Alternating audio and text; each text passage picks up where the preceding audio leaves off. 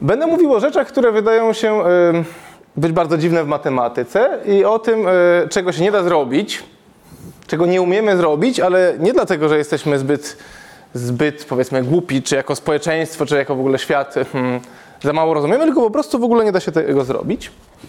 I zacznę od paradoksu fryzjera. Pan Krząstowski mówił o tym paradoksie, tak?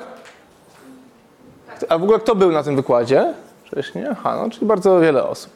No ale ja go powtórzę dla tych, którzy tam nie byli. No więc historyjka jest taka, że w pewnym, w pewnym mieście e, był bardzo surowy król, e, czy tam zarządca, i on stwierdził, że w mieście musi być porządek. W związku z tym musi być porządek, w szczególności jeśli chodzi o fryzjerstwo. Więc jeżeli ktoś się strzyże sam, no to niech się strzyże sam.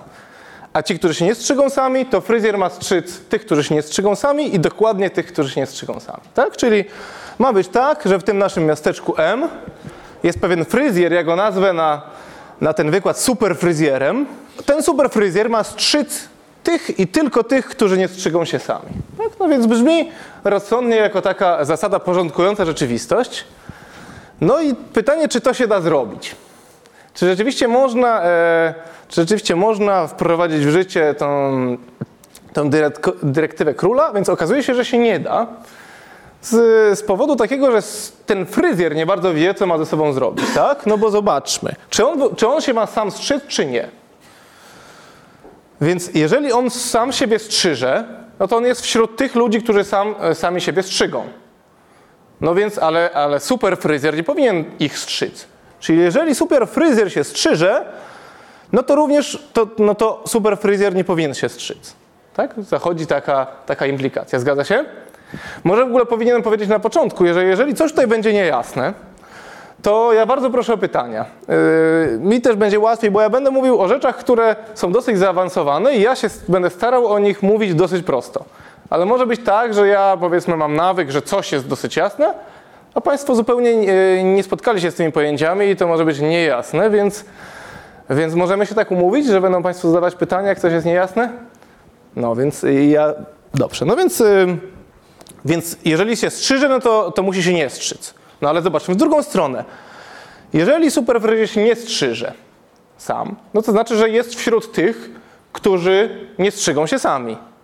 A takich powinien strzyc yy, fryzjer, tak? Czyli jeżeli on się nie strzyże, no to on się strzyże. Tak?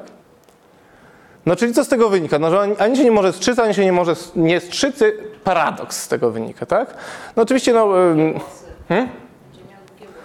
Więc, no ale, no więc to też jest niemożliwe, tak? bo wtedy by się nie strzygł, a, a wtedy y, powinien, superfryzy powinien takich strzyc, tak? Więc, y, więc po prostu, tak. Więc jaki z tego jest wniosek? No nie taki, że w ogóle świat, się, świat jest w sprzeczności ze sobą, tylko że po prostu nie da się tej dyrektywy e, wprowadzić i można to sformułować, ja to sformułuję jako twierdzenie superfryzjera, bo to jakoś tak od razu lepiej brzmi. I twierdzenie jest takie, a twierdzenie udowodnił Bertrand Russell w 1901 roku. No on tą historyjkę o superfryzjerze podobno usłyszał od kogoś, kto mu polecił, że on może w ten sposób opowiadać, e, jakoś tak dosyć klarownie o, takim, o tym paradoksie, no, który odkrył. Tak? Więc to oczywiście posłużyło mu do jakichś tam twierdzeń matematycznych, ale wydaje się, że to jest bardzo intuicyjne, jak słyszymy o tym fryzjerze. Więc 1901 e, roku to się stało i większość tych rzeczy, o których będę opowiadał, to będzie albo koniec XIX wieku, albo początek XX wieku. Czyli w sumie jak na naukę dosyć niedawno. No więc twierdzenie można ująć tak. Dla dowolnego miasteczka zachodzi coś takiego. Nie ma tam superfryzjera. Czyli nie ma takiego człowieka, który strzyże wszystkich tych, którzy nie strzygą się sami. No i to twierdzenie to jest to bardzo proste tak? ale my będziemy je stosować w bardzo e, ciekawych zastosowaniach i dojdziemy do głębokich rezultatów, które właściwie na początku XX wieku to totalnie zbiły z tropu, zbiły z tropu matematyków. A, więc tak wyglądał Bertrand Russell. E, I on żył, co ciekawe, 98 lat. Ale co jeszcze może ciekawsze, on e, to twierdzenie udowodnił w wieku 29 lat. I mogą Państwo zobaczyć, że to w ogóle tutaj będzie reguła. Tak? Zazwyczaj jak się widzi, jak się e, pokazuje obrazki tych naukowców, to oni są siwi, z brodą i w ogóle starzy. E, ale to tak nie wygląda. Tak? Bardzo często, e, szczególnie w matematyce, młodzi ludzie coś wymyślają. A co ciekawe, on dostał w 1950 roku e, Nagrodę Nobla. E, Dygresja, ale dostał, pewnie słyszeli, może słyszeli Państwo o tym, że nie ma Nagrody Nobla z matematyki, prawda? No więc nie można dostać Nagrody Nobla z matematyki. Czasami ludzie, którzy dostają Nogra, Nagrodę Nobla i są matematykami, dostają tą Nagrodę Nobla z ekonomii, ale on dostał z literatury. Jak się okazuje, więc, więc można, można dostać Nagrodę Nobla będąc matematykiem, no trzeba po prostu dobrze pisać. Dobrze, więc to jest... Albo się. Można różne, różne są, tak, można są różne rzeczy. E, Różne e, opcje są możliwe. Dobrze, więc to, e, to twierdzenie będziemy stosować. Zacznijmy od czegoś dziwnego o zbiorach. Być może pan Chrząstowski już o tym mówił, ale e, o paradoksie zbiorów.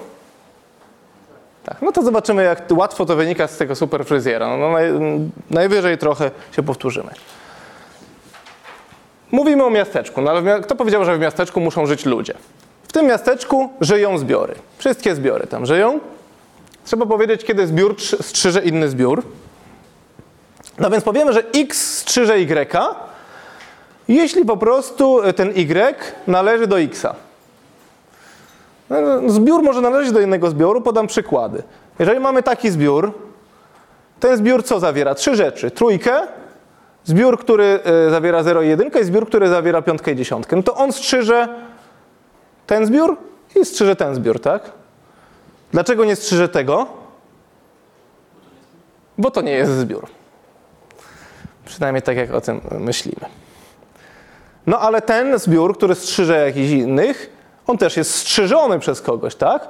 Ten na przykład go strzyże, bo ten zbiór zawiera dwójkę, czwórkę, piątkę, no i ten właśnie zbiór. Więc zbiory mogą śmiało zawierać inne zbiory. Zbiory mogą zawierać też nieliczby. To możemy śmiało zobaczyć, no ale ja to pokazuję na przykładach e, liczb, żeby jakoś tak było łatwiej. No, możemy rozważyć też taki zbiór. bo Tutaj te zbiory to skończone, e, one miały skończenie wiele elementów. Możemy rozważyć taki zbiór, który zawiera wszystkie zbiory XY, takie dwuelementowe, takie, że X i Y są naturalne. Tak, żeby widzieć jakieś przykłady trochę bardziej skomplikowanych zbiorów. No i ten zbiór na przykład strzyże zbiór 3-4, tak? Dlatego, że 3 i 4 to są liczby naturalne. Zgadza się? No, no i wiele innych. On strzyże po prostu dowolny zbiór postaci x, y. A teraz spójrzmy na taki zbiór. Zbiór S. On zawiera e, takie zbiory S, x, że x nie należy do xa. No możemy sobie taki zbiór zdefiniować, prawda? Będzie zawierał takie zbiory, że coś tutaj spełniają. Jasne jest, że możemy taki zbiór definiować?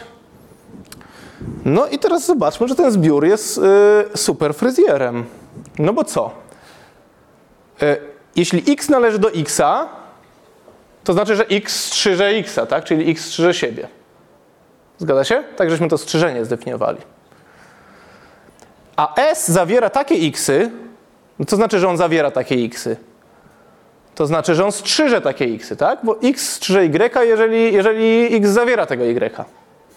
Czyli innymi słowy, ten S zawiera takie xy, że xy nie strzygą samego siebie. Tak? W tej naszej terminologii. Czyli x strzyże takie xy, S, przepraszam, strzyże takie xy, że xy nie strzygą samego siebie. Czyli S jest super fryzjerem w miasteczku złożonym ze zbiorów. Co z tego wynika, tak? Czyli S to jest super fryzjer, sprzeczność. To jest, to jest dosyć dziwne, tak? E, Właściwie e, jaki z tego morał należy wnioskować? No należy wnioskować z tego, że, że to w takim razie no, ten super fryzjer, on nie powinien mieszkać w miasteczku. To znaczy, że on nie jest zbiorem, tak? Że taki, taki, taki twór nie jest zbiorem. Yy, To jak się zazwyczaj to omija na takim, na takim prostym poziomie, to się zamiast mówić, zamiast mówić zbiór S, to się mówi rodzina S. Tak? No, no, to, jest, to jest taki trochę wykręt. Ja ym, nie znam się tak dobrze na tej dziedzinie, nie wiem właściwie jak jak dalej się zagłębić w, w to, no ale ewidentnie mogą Państwo zobaczyć, że to jest coś dziwnego, tak? Jakoś tak gdzieś u podstaw matematyki, no przyzwyczailiśmy się, że wszystko, co napiszemy tego typu, to jest zbiór, a okazuje się, że niektóre rzeczy nie są zbiorami. No ale pójdziemy dalej z tymi, e, z tymi paradoksami. Więc ja postaram się dzisiaj Państwu pokazać cztery przykłady aplikacji tych, tych rzeczy. To był pierwszy. Teraz drugi e, o przeliczalności, ale nim to zrobię, to powiem trochę wstępu. Czy ktoś słyszał o tym, no, no, wiedzą Państwo, że są zbiory, które mają skończenie wiele elementów i nieskończenie wiele elementów. Czy ktoś słyszał o tym, że jak zbiory mają nieskończenie wiele elementów, to może być tak, że jedna nieskończoność jest większa od drugiej? No więc, e, no właśnie, więc ja o tym postaram się trochę powiedzieć, ale na początku zrobię taki wstęp. No więc, e, jeżeli, jeżeli mamy powiedzmy sobie klasę złożoną z dziewczynek i chłopców, no to jak sprawdzić, czy dziewczynek jest tyle samo co chłopców? No można to, można po prostu, mm, tak, no właśnie. Ale tak e, najbardziej narzucające się rozwiązanie, takie, do którego jesteśmy przyzwyczajeni, to jest policzyć dziewczynki, policzyć chłopców i sprawdzić, czy te liczby są równe. Ale można to zrobić e, prościej. Można po prostu powiedzieć, dobrze, teraz dobieramy się w pary, w każdej parze musi stać jedna dziewczynka, jeden chłopiec. No i jeżeli okaże się, że wszyscy dobiorą się w pary i nikt nie zostanie, no to będzie znaczyło, że tyle samo jest dziewczynek i chłopców, tak? A jeżeli zostaną trzy dziewczynki, no to znaczy, znaczy że oczywiście dziewczynek było więcej. I teraz okazuje się, że ten sposób e, porównywania, e, patrzenia, czy dwa zbiory są równe, tutaj zbiór dziewczynek i zbiór chłopców, to jest w ogóle sposób porównywania, który ma sens nie tylko dla zbiorów skończonych, ale też dla zbiorów nieskończonych. No jak, znaczy ma sens, no jakoś tak się sensownie zachowuje, tak? Hmm, I możemy powiedzieć w takim razie, zdefiniujemy sobie, że dwa zbiory nieskończone są równoliczne, jeżeli można wziąć elementy z jednego zbioru i elementy drugiego zbioru i poukładać w pary. I wtedy powiemy, że są równoliczne. No czy to, czy to jest dobra definicja, czy niedobra, to jest kwestia filozoficzna, tak, właściwie, no. Mm. Ale e, dobrze się zachowuje ze względu matematycznego i tak. I w związku z tym, no a oczywiście jeżeli, jak mamy jeden zbiór X, a drugi zbiór Y i poukładamy w pary, jakby się nie, nie poukładało, to zostaną jakieś elementy zbioru Y, to znaczyłoby, że ten zbiór Y jest większy, tak? No, że jakoś ma większą moc to się nazywa. No i teraz zobaczmy sobie, będziemy układać liczby, e, zbiory w ciągi. Będziemy, znaczy, może tak, zobaczmy, że liczby naturalne, no liczb naturalnych jest oczywiście nieskończenie wiele i możemy wszyscy, ja zakładam, że 0 e, jest naturalne, nie wiem jak to się w szkole zakłada, to różnie bywa. Ale to nie ma specjalnego znaczenia. Zakładamy, że 0 jest naturalne i możemy liczby naturalne wszystkie wypisać w ciągu. 0, 1, 2, 3, 4 i tak dalej. Takim nieskończonym ciągu. No i teraz zobaczmy sobie, na przykład, że liczby większe od minus 10, no całkowite, też możemy wypisać w ciągu. Minus 10, minus 9, minus 8, minus 7, minus 6 i tak dalej. Tak? I co z tego wynika? To z tego wynika, że elementy tego zbioru, liczb naturalnych i elementy tego zbioru, liczb całkowitych większych od minus 10 można w pary poukładać. Widzą Państwo to? 0 z minus dziesiątką, 1 z dziewiątką, 2 z ósemką, trójka z minus siódemką i tak dalej.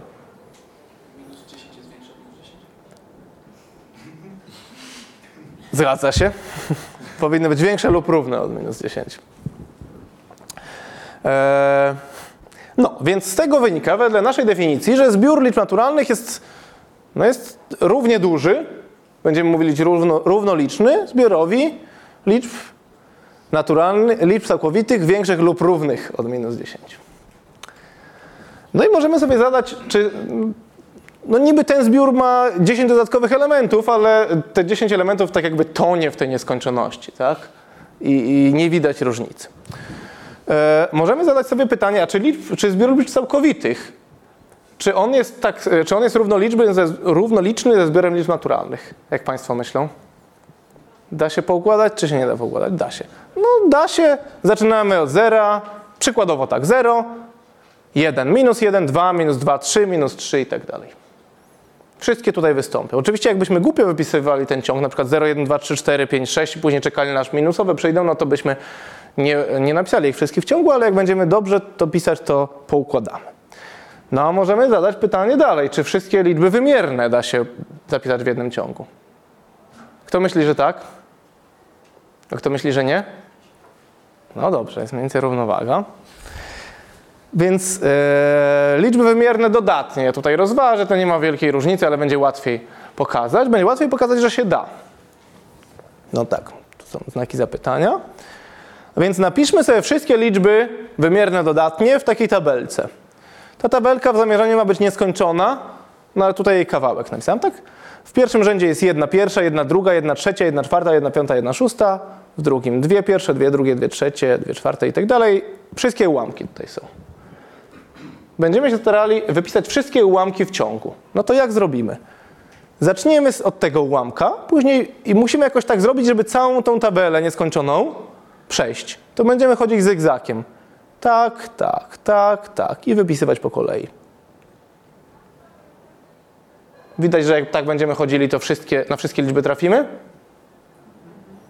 Możemy wypisać w ten sposób. Zacząć tutaj od jedynki, później mamy jedną drugą, później idziemy tu dwie pierwsze, no to jest dwa po prostu, trzy pierwsze to jest trzy, dwie drugie, no dwie drugie to jest jeden, już mamy, to więc nie wpisujemy, tak?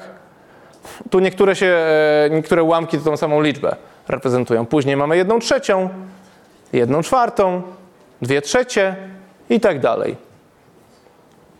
Wszystkie liczby wymierne też się da, no bo po prostu byłaby taka większa tabela nieskończona i byśmy takim zygzakiem musieli chodzić. I ujemne też byśmy zapisali. No dobrze, to jest bardzo ciekawe, czyli zbiór liczb wymiernych, niby, że wydaje się, że ma dużo więcej tych liczb, to da się w pary poukładać ze zbiorem liczb naturalnych. No to idziemy dalej, liczby rzeczywiste. Kto myśli, że liczby rzeczywiste da się ułożyć w ciągu? A kto myśli, że się nie da? No więc słusznie, e, słusznie myślą Państwo. Ten wykład jest o tym, że się nie da. Więc w końcu czegoś się musi nie dać. No to przypuśćmy, że one stoją w ciągu. Także są wszystkie wypisane w ciągu C0, C1, C2 i tak dalej. I dojdziemy do wniosku, że coś tu nie gra. No więc musimy zdefiniować, musimy użyć superfryzjera. Zdefiniujmy sobie miasteczko. Kto będzie mieszkańcami miasteczka? No więc będzie trochę dziwnie, mieszkańcami miasteczka będą liczby naturalne, nie liczby rzeczywiste. I teraz tak, my będziemy tutaj e, chcieli, żeby te liczby rzeczywiste były reprezentowane przez... Aha?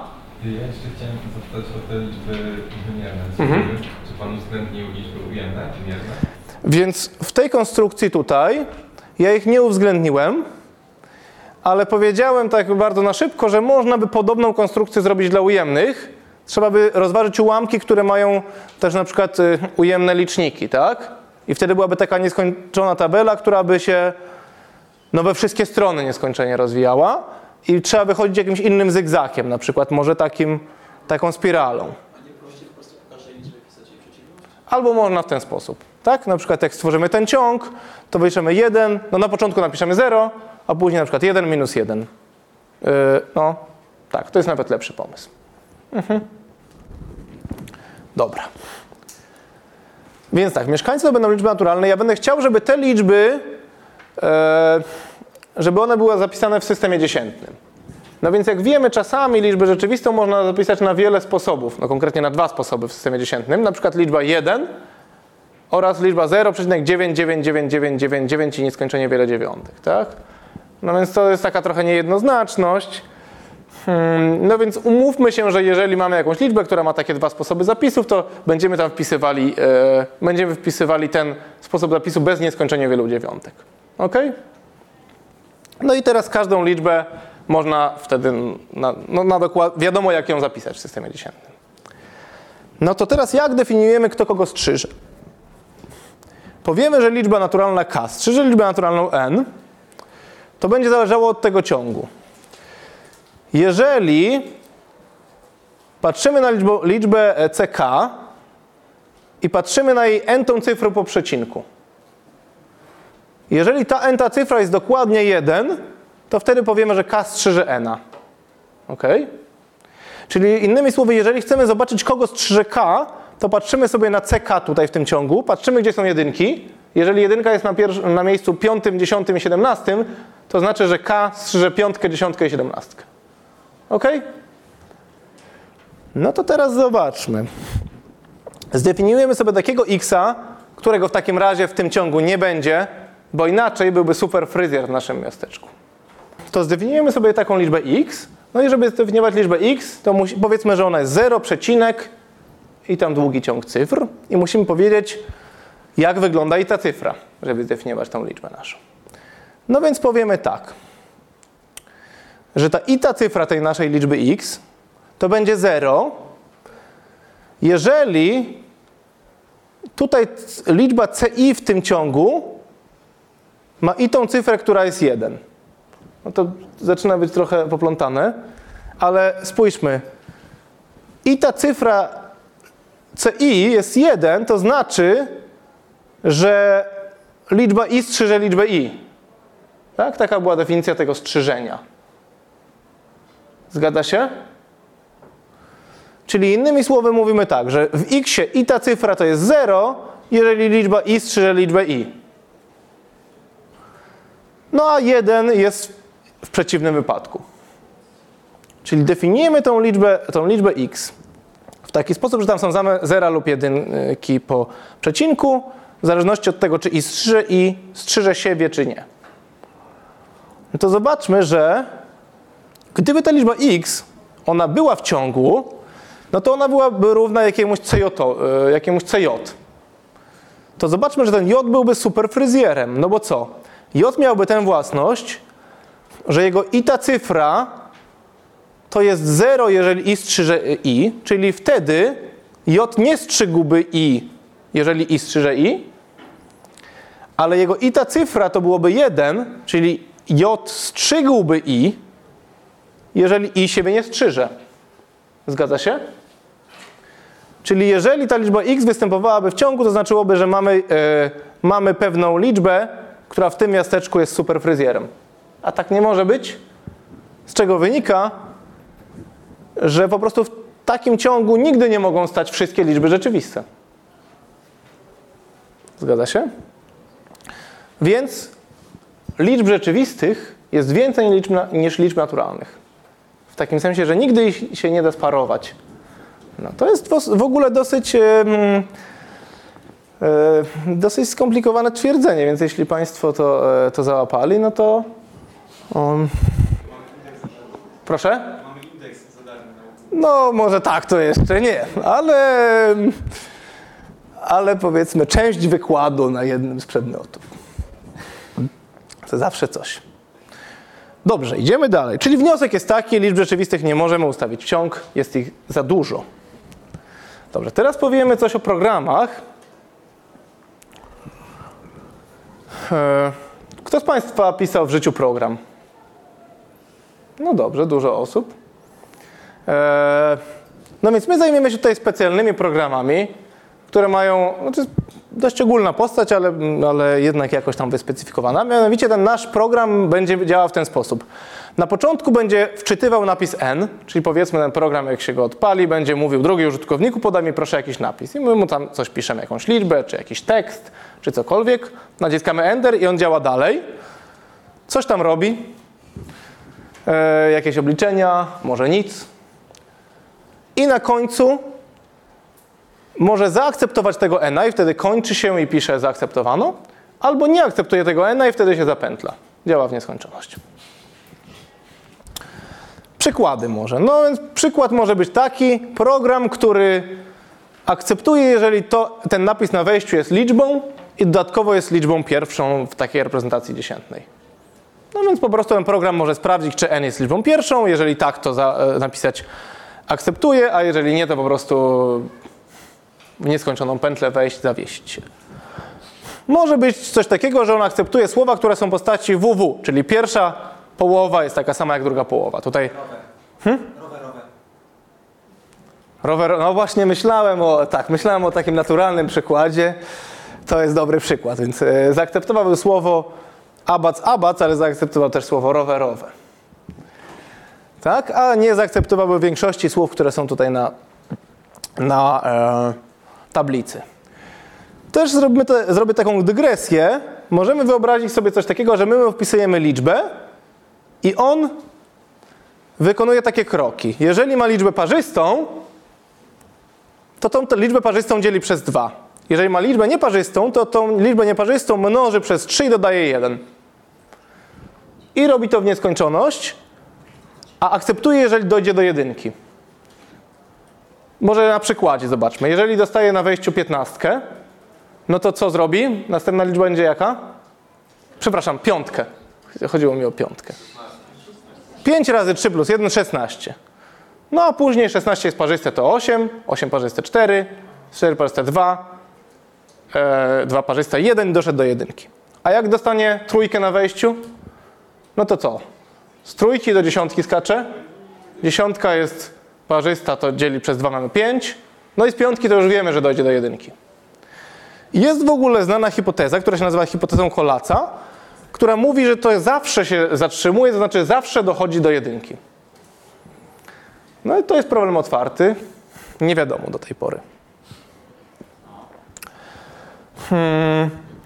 Dobrze, więc chcielibyśmy umieć do takich programów odpowiadać na pytanie, to się będzie nazywało problem stopu, no chcielibyśmy umieć stwierdzać, czy jak mamy jakiś program i myśmy mu coś wpisali, to czy on się w ogóle zatrzyma. Chcielibyśmy umieć mieć taką, chcielibyśmy mieć taką ogólną procedurę, która, która by coś takiego robiła. I to się nazywa problem stopu. Tak bardziej, e, bardziej precyzyjnie, problem stopu to jest pytanie, czy, czy jest taki program, który by robił następującą rzecz. Ono, on jako wejście dostawałby kod programu P, tak? ten, który, który będziemy zapuszczać, i napis N, ten, który mu wpisam, wpiszemy. I miałby odpowiedzieć tak, jeżeli P się zatrzymuje na N, to znaczy jeżeli go akceptuje, odpowiedzieć nie, jeżeli, e, jeżeli P tego napisu N nie zaakceptuje. Tak? No więc taki pierwszy pomysł to byłby taki, że ten program ogólny no mógłby po prostu analizować, co robi ten program P na napisie N po kolei, prawda? No więc jeżeli ten, ten P by się zatrzymał na N, to on mógłby odpowiedzieć tak, ale jeżeli by się nie zatrzymał, no to on w sumie wciąż nie wie, czy on się na razie nie zatrzymał, czy tak w ogóle nigdy się nie zatrzymał, prawda? No ale to jest tylko, to jest tylko powiedzenie, że takie zupełnie brutalne podejście nie działa. Okazuje się, że w ogóle nie ma takiego programu. Co jest bardzo dziwne, że pewnych rzeczy w ogóle nie da się rozwiązać. To znaczy, nie da się napisać algorytmu, nie da się napisać programu, który by coś takiego robił. I jak to się dowodzi? No to jest, to jest dość e, głębokie stwierdzenie, ale dowodzi się je bardzo prosto. Na tym slajdzie je udowodnię. Mieszkańcy to będą kody programów. Ok? Tacy mieszkańcy mieszkają w miasteczku. Teraz, kiedy oni siebie strzygą, trzeba powiedzieć. Więc program pierwszy strzyże program drugi. Kiedy? Wtedy, jeżeli program pierwszy akceptuje napis, który jest kodem P2. Tak? No jak ten, y, jak ten program pyta nas o napis, to my możemy tam wpisać e, 17, możemy tam wpisać rowerowe, możemy tam wpisać e, coś innego, co nie jest kwadratem, ale możemy tam napisać bardzo długi napis, który jest kodem jakiegoś programu. Nic nie stoi na przeszkodzie, prawda?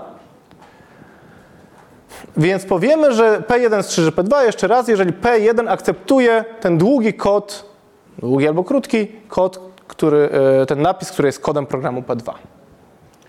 Tak, to jest jasne. Definicja.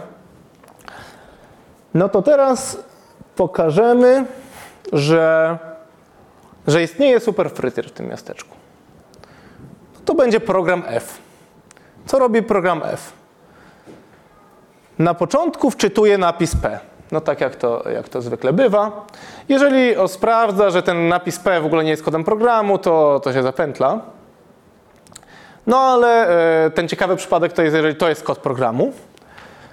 Więc on, e, ten program F sprawdza, czy program P akceptuje ten napis, który jest kodem programu P, tak? To znaczy, czy ten program P akceptuje kod samego siebie? No dlaczego nie? Można to sprawdzić, tak? Jeżeli on akceptuje, to program F zapętla się. A jeżeli P nie akceptuje samego siebie, to wtedy program F akceptuje ten napis P. Tak? No to zobaczmy, co się stało. Program F, on akceptuje takie napisy P, czyli innymi słowy strzyże te programy P, dla których nie jest prawdą, że P strzyże samego siebie. Prawda? Jeszcze raz. F zaakceptował P, czyli strzyże P, wtedy, kiedy P nie zaakceptował siebie, czyli nie strzyże siebie. Czyli F strzyże te programy P, które nie strzygą samych siebie. Sprzeczność, tak? Gdzie, e, no, gdzie jest problem, tak? Co myśmy, no bo na razie udowodniliśmy, że jest sprzeczność w matematyce. Gdzie zrobiliśmy, powiedzmy sobie, błąd, że jakoś tak nadużyliśmy e, czegoś? No więc tutaj. My powiedzieliśmy, no e, ja powiedziałem, oszukując, że no przecież można sprawdzić, czy P akceptuje P. Ale to, no ale skąd ja to wziąłem, że można sprawdzić, czy P akceptuje P? To jest właśnie problem stopu, tak? Trzeba sprawdzić, czy, czy jakiś, sprawdzenie, czy jakiś program akceptuje jakiś napis. Wcale nie jest jasne, że można to sprawdzić. Gdyby się dało sprawdzić, to rzeczywiście taki program by istniał. Ale wniosek z tego jest, że po prostu tego nie da się sprawdzić. Bo gdyby się dało sprawdzić, to napisalibyśmy program F, który byłby superfryzjerem. Tak, czyli F to superfryzjer, sprzeczność, ale wniosek tak naprawdę jest taki, że nie da się sprawdzić, czy P akceptuje P, czyli nie da się sprawdzić na szczególnego przypadku tego, czy program akceptuje jakiś napis. Zgadza się? Czy tu coś wyjaśnić? No to jest takie trochę zapętlone samo w sobie. Także może... E, chcą Państwo, żeby coś więcej powiedzieć? Czy to jest... Aha. Jeżeli jest ten przeciwny przy, e, przypadek, gdzie jest, akceptuje, Mhm. to znaczy, że jednocześnie ten w ogóle ta linijka nie działa, bo jest po prostu niezgodna z prawdą? To się z tego zrozumiałem, że, że nie da się sprawdzić, czy P akceptuje P, znaczy, że ta linijka kompletnie nie jest realna. No, m, może tak, powiem jeszcze raz. Jak wygląda program F? Napisałem tu coś, co twierdzę, że jest programem, ale tak naprawdę nie jest programem, bo on na początku wpisuje napis P, później ja mówię, e, sprawdź, czy P akceptuje P. Jeżeli tak, to zapędl się, jeśli nie, to e, zaakceptuj. Ale po prostu nie można wykonać tego, sprawdź, czy P akceptuje P. Czyli jakby już tam, no po prostu nie da się napisać tego programu. Tak? No więc, e, no więc co, cokolwiek będzie później, no to już będzie. Co się stanie, jak do programu F podamy program F? Jeśli do programu F, program F. No więc no, pierwsza odpowiedź na to pytanie jest taka, że tak naprawdę program F nie istnieje, tak? Ja nie mogłem napisać tego programu, bo, no bo nie mogłem tego zakodować. Po prostu nie istnieje żaden kod, który by to zrobił. No gdybyśmy mieli taką procedurę, no to jakbyśmy, no to właśnie to jest ta sprzeczność. Co by się stało, gdyby program F dostał program F? No nie wiadomo. No, to tak jak ten fryzjer. Strzyże samego siebie, czy nie strzyże?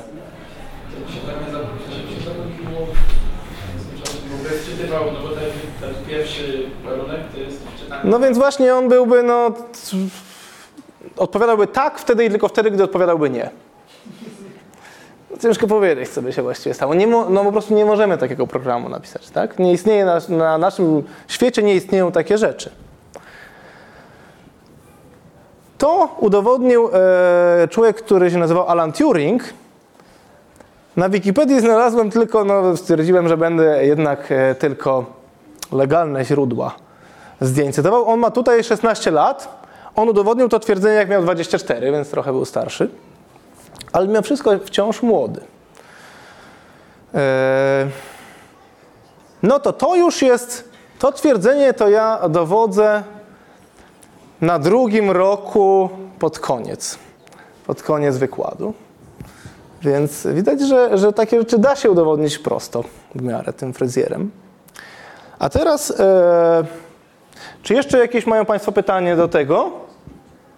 No to zrobimy ostatnią, ostatnie twierdzenie, które nie udowodnimy e, bezpośrednio z paradoksu fryzjera, tylko udowodnimy z tego, co przed chwilką pokazaliśmy, że nie da się rozstrzygnąć tego problemu stopu, czyli czy program akceptuje jakiś napis. Tego twierdzenia to w ogóle e, ja na studiach się w ogóle tego nie uczyłem. Dla tych, co wiedzą, to jest tak naprawdę pierwsze twierdzenie Gödela o niezupełności, tak? bo tam są dwa, to jest znane twierdzenie Gödela. Twierdzenie Gödela co mówi? No więc powinienem może zrobić taki wstęp, że ono tak w niepoprawnym sformułowaniu, ale takim może pasującym do intuicji, mówi, no może tak, różne twierdzenia mm, są prawdziwe. No na przykład prawdziwe jest stwierdzenie, nie wiem, Pitagorasa, tak? Że jeżeli mamy, no wiadomo co, co mówi, tak? Jeżeli a i b to są długości przy, przyprostokątnych, c przeciwprostokątnych, to a kwadrat plus b kwadrat równa się c kwadrat. Prawdziwe i mamy dowody stwierdzenia Pitagorasa. Prawdziwe jest twierdzenie, że na przykład jest nieskończenie wiele liczb pierwszych i może część z Państwa widziała dowód na to, że tak jest, tak? I no stąd, z tego, że mamy dowód, wiemy, że ono jest prawdziwe, tak? Kto słyszał o wielkim twierdzeniu Fermata? Więc niektórzy słyszeli, to jest bardzo znane twierdzenie, które mówi, że jeżeli, że nie da się znaleźć takich a, b i c, dla których a do potęgi n plus b do potęgi n równa się c do potęgi n i a, b i c mają być liczbami naturalnymi, ale n jest większe niż 2. Dla n równego 2, no to mamy, e, tak jak w twierdzeniu Pitagorasa, znajdujemy takie liczby, e, na przykład 3, 4 i 5, ale dla n większego niż 2 nie da się znaleźć. I to jest twierdzenie, które przez Tym razem już zero nie jest liczba naturalna. tym razem 0 nie jest liczbą naturalną, tak. Albo liczba naturalna większa niż 1. Większe niż 0. no i to twierdzenie po 200 może latach zostało udowodnione.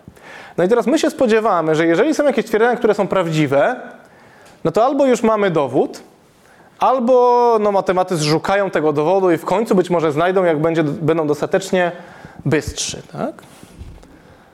E, Albo jeżeli jest jakieś stwierdzenie, które jest hipotezą, jeszcze nie wiadomo, czy jest prawdziwe, czy fałszywe, no to matematycy starają się albo udowodnić, że jest prawdziwe, albo że jest fałszywe. I teraz intuicyjnie rzecz biorąc, to twierdzenie Gödela mówi coś, co jest, co jest bardzo dziwne. To znaczy, że są twierdzenia, które są prawdziwe, ale nigdy ich nie udowodnimy. Nie dlatego, że jesteśmy zbyt głupi, albo że, że w ogóle jakoś źle szukamy, tylko że po prostu nie istnieje dowód. Teraz, dlaczego. To, hmm? Czy twierdzenie Gödela się do nich zalicza? E, nie. Nie, e, zaraz udowodnię twierdzenie Gödela. Em, Teraz, dlaczego? Ja powiedziałem, że to jest trochę nieprawdziwe stwierdzenie. Nieprawdziwe jest dlatego, że jest właściwie trudno powiedzieć, co to znaczy, że twierdzenie jest prawdziwe. Ale nie będę się w to wgłębiał. Poprawne stwierdze- sformułowanie twierdzenia Gödela, które udowodnił Kurt Gödel w 1931 roku, jest takie. Istnieją zdania Z, no, czyli takie zdania, o których chcemy stwierdzić, czy jest prawdziwe, czy fałszywe, czy jest twierdzeniem, czy jest nieprawdziwe, takie, że zarówno Z nie ma dowodu, jak i zaprzeczenie Z nie ma dowodu. Czyli istnieją takie rzeczy, powiedzmy takie hipotezy, o których zarówno nie możemy ich udowodnić, jak i obalić. A czy one są prawdziwe, to jest troszeczkę kwestia filozoficzna, no musiałbym dłużej o tym mówić. I jak to udowodnić? Aha, udowodnił to Kurt Gödel, który też był młody wtedy. Jak to udowodnić? No to ja nawet podam przykład takiego zdania. Zdanie Z, któreś zdanie Z, które będzie miało tę własną, będzie miało, miało taką postać. Program P akceptuje napis N. No więc przypuśćmy sobie na chwilę, że zdanie, że istnieje dowód, dla e, który dowodzi zdania Z, tak? czyli który dowodzi, że program P akceptuje napis N, albo istnieje dowód, który dowodzi, że zdanie Z jest nieprawdziwe, czyli że program P nie akceptuje napisu N. No, trzeba by może powiedzieć w ogóle najpierw, co to jest dowód.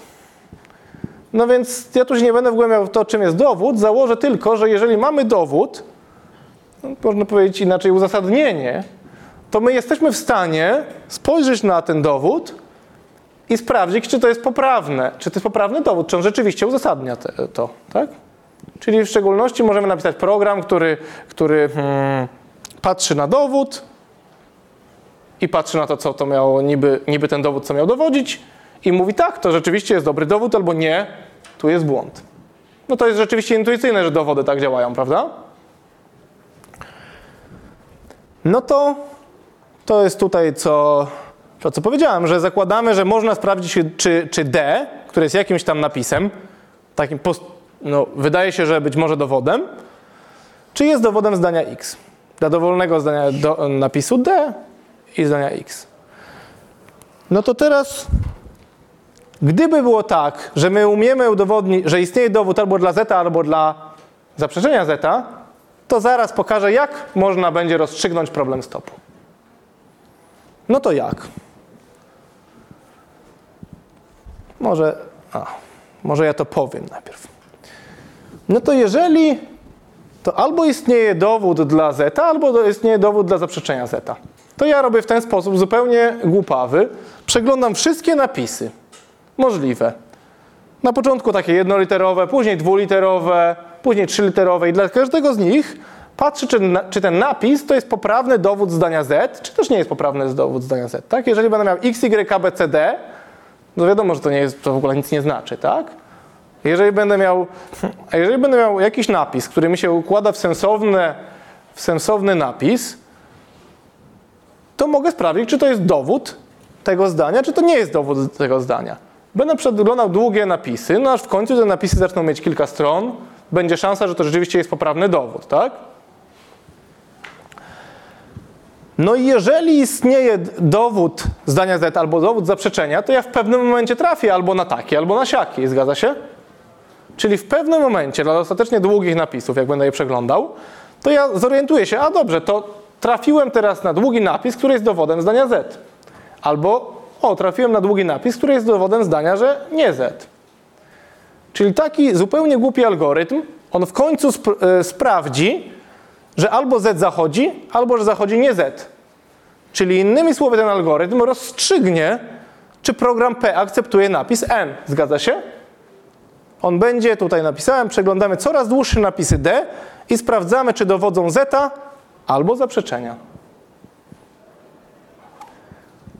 Może podsumowując, co ja tu zrobiłem?